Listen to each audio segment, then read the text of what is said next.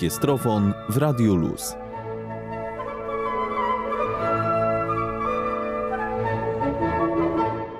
Studiu akademickiego Radia Luz jest już z nami dzisiejszy gość e, Kamil Grabowski, doktor sztuk muzycznych, pianista, solista i kameralista, organizator życia muzycznego, pedagog, malarz, a co więcej może niektórym z Was znany z roli wybitnego pianisty Władysława Szpilmana w filmie dokumentalnym z 2013 roku pod tytułem Kabaret Śmierci w reżyserii Andrzeja Celińskiego.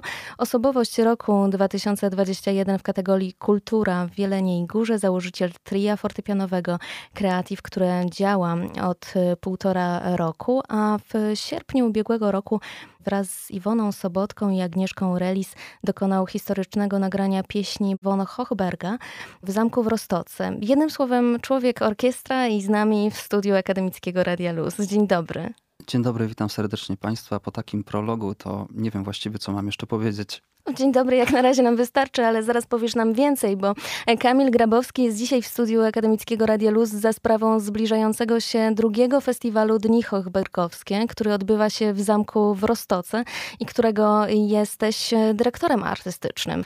W tym roku będzie jego druga edycja. Zapraszam Państwa bardzo serdecznie już niebawem, bowiem za tydzień na weekend odbędą się dwa koncerty w zamku Rostoka. 4 oraz 5 września. Koncentrujecie się przede wszystkim na bohaterze, czyli na Bolko von Hochbergu, którego utwory będą się pojawiać w programie tych dwóch koncertów, ale jednocześnie też koncentrujecie się sporo na muzyce polskiej. Skąd w ogóle taka decyzja o, o, o tego rodzaju programie? Rzeczywiście, no, Bolko von Hochberg jest taką istotną postacią dla zamku istotną postacią dla e, festiwalu, gdyż jest e, jego e, patronem. Oczywiście jest też kompozytorem. Bolko von Holberg zostawił po sobie bardzo bogatą spuściznę kompozytorską i jego utwory też będą na tym i na kolejnych edycjach festiwalu wykonywane.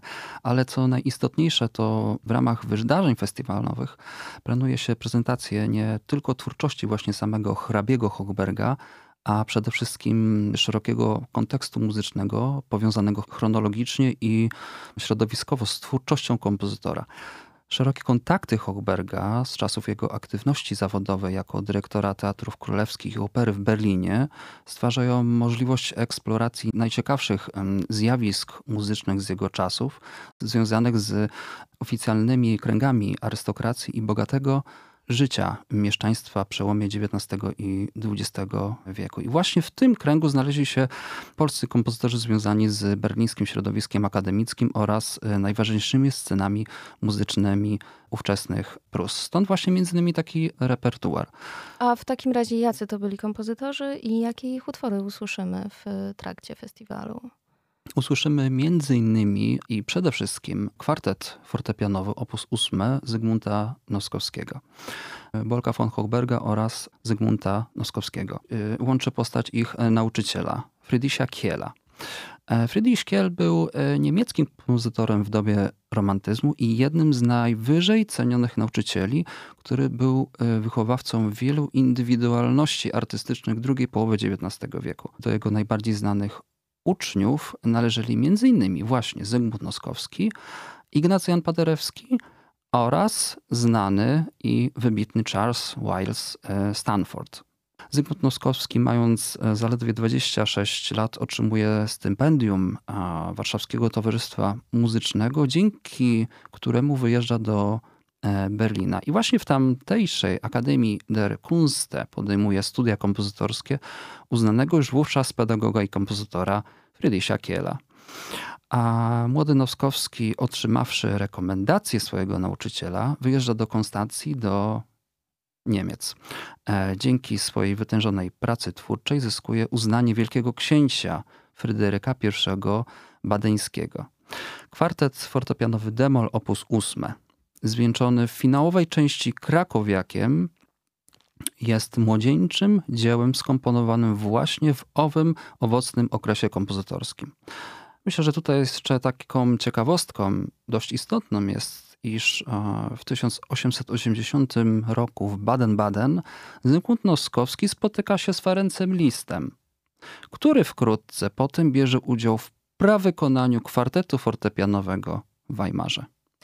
Czyli mamy tutaj do czynienia z dziełami kompozytorów też istotnymi dla ich twórczości, e, Dokładnie tymi, które tak. się pojawią, e, pojawią w programie festiwalu, ale też e, czy można w zasadzie rzec, że Bolko von Hochberg też w jakiś sposób łączył to środowisko muzyczne, czy na przykład na jego zamku w Rostoce mieliśmy do czynienia z salonami muzycznymi, czy te postaci, które, które gdzieś tam z polskich kompozytorów, które gdzieś tam są z nim połączone, one pojawiały się w Rostoce?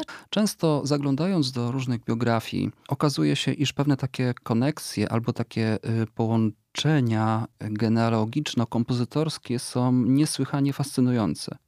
I właśnie tak jak w przypadku y, Friedricha Kiela, okazuje się, iż y, y, kształcił i Hochberga, i Noskowskiego, i Paderewskiego, oczywiście między innymi. Wydaje mi się, że jest to niesłychanie cenne. Oczywiście nie jestem w stanie odpowiedzieć, czy gdzieś mamy udokumentowane, czy ci kompozytorzy się gdzieś e, spotkali, czy spotkał się Hochberg z e, Paderewskim na przykład. Trudno powiedzieć, być może z czasem uzyskam taką wiedzę. Niemniej ta cała sieć kompozytorów pokazuje, iż właściwie cały czas mówimy o nurcie muzyki klasyczno-romantycznej. Jesteśmy cały czas w obszarze pomiędzy połową XIX wieku a początkiem XX wieku. I właśnie tych kompozytorów, no oczywiście nie wszystkich, ale tych najciekawszych pokazuje na drugiej edycji festiwalu. Tutaj mogę zdradzić, iż 5 września wraz Agnieszką Relis, mezzosopranistką, która notabene pochodzi z Dolnego Śląska również, tak jak ja. Zaśpiewamy właśnie m.in. utwory Bolko von Hochberga, Piotra Czajkowskiego, Mieczysława Karłowicza, a także Karola Szymanowskiego.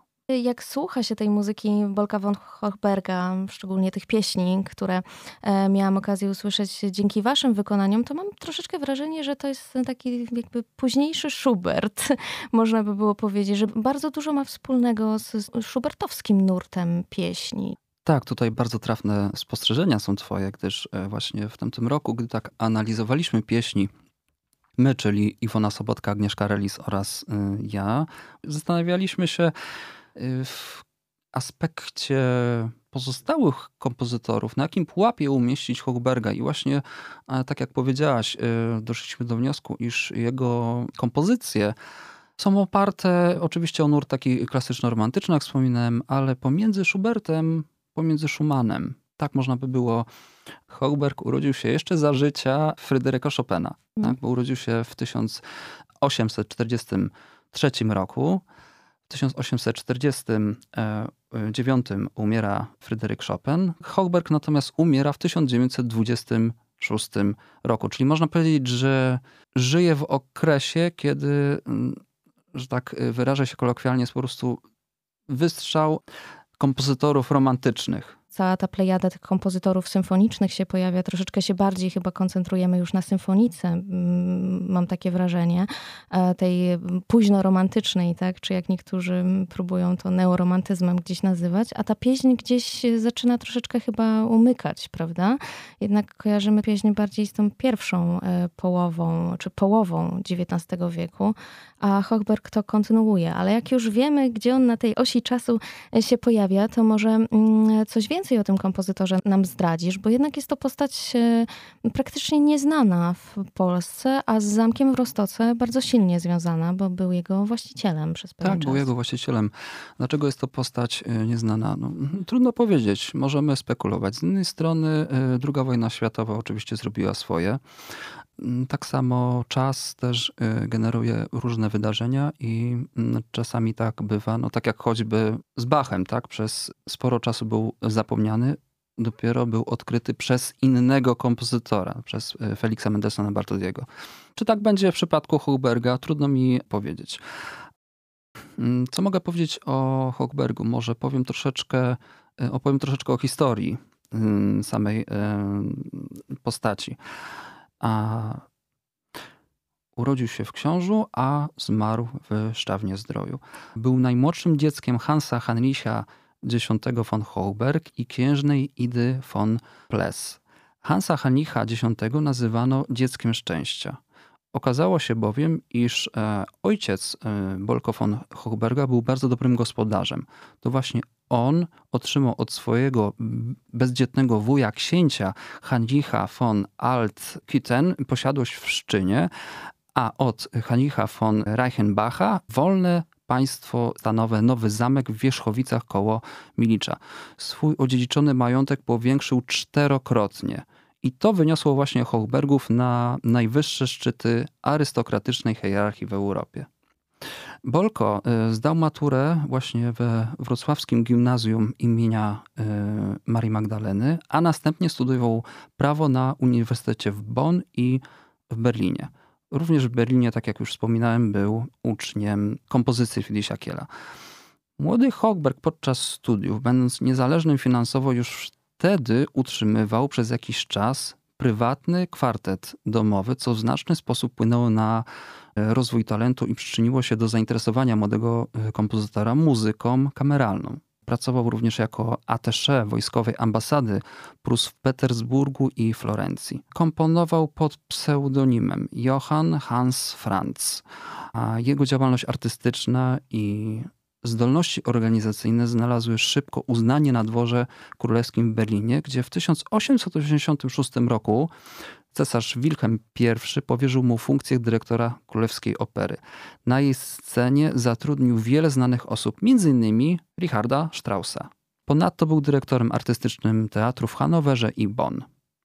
I po powrocie ze służby państwowej w wieku około 26 lat ożenił się z Eleonorą Schunach-Karolac i wrócił do Rostoki, gdzie oddaje się w pełni twórczości kompozytorskiej oraz y, życiu rodzinnemu. Komponował pod pseudonimem dlatego, że nie było mile widziane w, w arystokratycznych y, domach, żeby syn zajmował się kompozycją.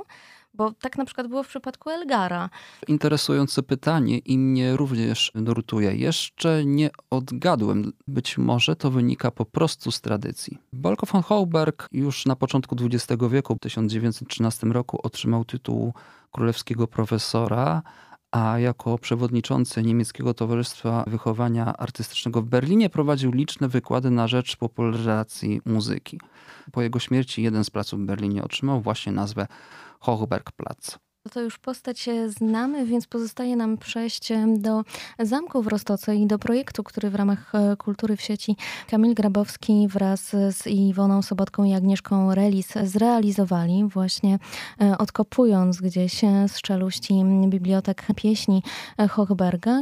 Historyczne nagranie pieśni Bolka von Hochberga. W tamtym roku, gdy rozpoczęliśmy dzięki mm, dofinansowaniu Ministerstwa Kultury i Dziedzictwa Narodowego poprzez Narodowe Centrum Kultury projektu właśnie, którego celem mm, było nagranie wideoklipów między innymi z muzyką Bolko von Hochberga. Wszystko macie Państwo na, na YouTubie.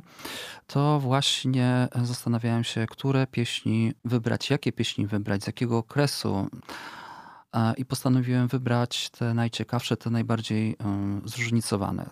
Pieśni Hochberga, bo jest ich około 10 opusów, czyli ponad 50 pieśni, tyle pozostały po sobie. Są pełne y, uroku i, ja bym powiedział, takich y, lirycznych, romantycznych uniesień.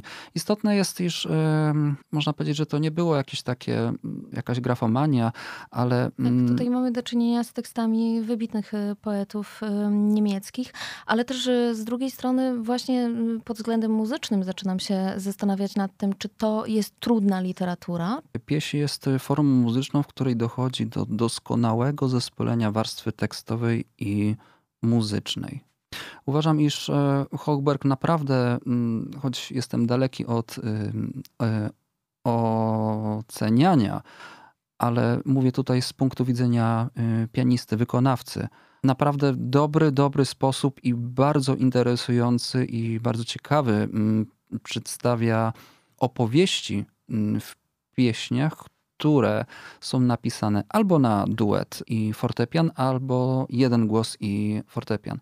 Nie są to pieśni łatwe. Tego późne opusy właśnie charakteryzują się tym, iż nie są to e, pieśni łatwe fakturalnie dla pianisty oraz dla e, wokalistów albo dla wokalistki, ale są bardzo ciekawe. Bardzo ciekawe w treści, bardzo ciekawe w sposobie prowadzenia dynamiki, agogiki oraz, tak jak już e, wspomniałem, przepływu fraz pomiędzy głosem a fortepianem. Poza twórczością pieśniarską Hochberg pisał um, też jeszcze jakieś inne kompozycje, czy głównie koncentrował się na tej takiej twórczości powiedzmy salonowej, tak tamtych czasów? Jeśli chodzi o pieśni, no to rzeczywiście pieśni tutaj znajdują bardzo, bardzo obszerny rozdział. Napisał kwartety smyczkowe, napisał symfonię, napisał również dwa tria fortepianowe, w tym trio opus 37. E, trio to otrzymałem dzięki uprzejmości jednej z bibliotek e, Salzburgu i w niedalekiej przyszłości na kolejnych edycjach festiwalu chciałbym to trio wykonać wraz z moim triom Creative, które założyłem. Jak z dostępem właśnie do nut? Bo wspomniałeś o bibliotece w Salzburgu. Czy jest trudno y, o wydania, o rękopisy Hochberga? Zależy co, bo powiem w ten sposób. Większość jego dzieł, mm, nie chcę mówić, że wszystkie, może inaczej, prawie wszystkie są wydane. Bardzo duży, pokaźny album z pieśniami Hochberga znajduje się w Bibliotece Muzycznej w Warszawie. Jest to muzyka, e, można powiedzieć, ogólnodostępna tylko nie wszystkie e, jego utwory zostały zdigitalizowane. Więc rzeczywiście czasami trzeba mm, się pofadygować i dobrze, dobrze poszukać w katalogach. No to rzeczywiście całe szczęście, że jeszcze można tego Hochberga odnaleźć już niebawem, bo w przyszły weekend drugi festiwal Dni Hochbergowskie, którego dyrektorem artystycznym jest Kamil Grabowski, który jest z nami w studiu w dalszym ciągu. Zamek w Rostoce, czy to jest y, przestrzeń sprzyjająca sztuce? No bo jednak należała do kompozytora kiedyś. Zdecydowanie y, sprzyjająca y, sztuce. W tamtym roku mieliśmy niesamowitą frajdę. E, mówię tutaj też za wspaniałe wokalistki pracować nad tym projektem, gdyż spotkaliśmy się w zamku w Rostoce, w którym e, kompozytor Bolko von Hochberg pod własne e, potrzeby zmodernizował jedną e, z przestrzeni, tworząc tak zwany salon muzyczny Hochberga. I rzeczywiście jest udokumentowane, iż kompozytor tam tworzył. Kompozytor miał tam swój prywatny fortepian firmy Bechstein my w tamtym roku sprowadziliśmy fortepian właśnie do tej przestrzeni. Ja bym powiedział tak, że z jednej strony mieliśmy niesamowitą radość, niesamowitą przyjemność, bo pogoda była fenomenalna. Zamek jest y, przepiękny i na zewnątrz, i w środku. I jeszcze do tego, y, moim skromnym zdaniem, jest to wyjątkowy moment i nie wahał się powiedzieć, że jest to taki moment historyczny, móc y, no, niemal prawie po 100 latach wykonywać muzykę kompozytora w jego, w jego domu, w jego salonie. W jego własnym salonie Tak, to jest naprawdę, uważam, że to jest, yy, powiedziałbym tak, jest to dla mnie osobiście unikatowe wydarzenie. Bardzo się cieszę, że mam możliwość y, uczestniczenia właśnie w takim obszarze yy, kultury, muzyki i mam możliwość kontynuowania. A czy obcowanie w ogóle w takiej przestrzeni historycznej, e, jeszcze ściśle związane jest z artystą, którego muzykę się wykonuje, czy ona ma jakiś dodatkowy walor dla, dla interpretacji, czy jakiegoś wdrożenia się w ogóle w dzieło? Oczywiście, gdyż e, Wokół zamku e, Rostoka jest e, bardzo duża e, przestrzeń ogrodowa. Oczywiście z czasem Fundacja Zamek Rostoka będzie pracowała nad tym, aby to wszystko jakby zrewitalizować, ale oczywiście, że tak. I w ogóle świadomość, iż pieśni, które on pisał, pisał w tym salonie, prawdopodobnie pogoda była podobna, jaką my mieliśmy. I potem człowiek zasiada dokładnie w tym samym miejscu, gdzie kompozytor i wiek później zaczyna pracować nad partyturą, jest niesamowite. Tym bardziej, że ma się wrażenie, że ta muzyka wcale się nie zdezaktualizowała i w dalszym ciągu mm, pasuje nie tylko do miejsca takiego jak Zamek Rostoka, ale również na antenie akademickiego Radio Luz. Bardzo przyjemnie nam się jej słuchało. Kamil Grabowski. E, Kamil Grabowski, jeszcze raz bardzo dziękuję za wizytę w studiu akademickiego Radio Luz. Cała przyjemność po mojej stronie i zapraszam serdecznie Państwa już w następną sobotę i niedzielę do tego pięknego miejsca.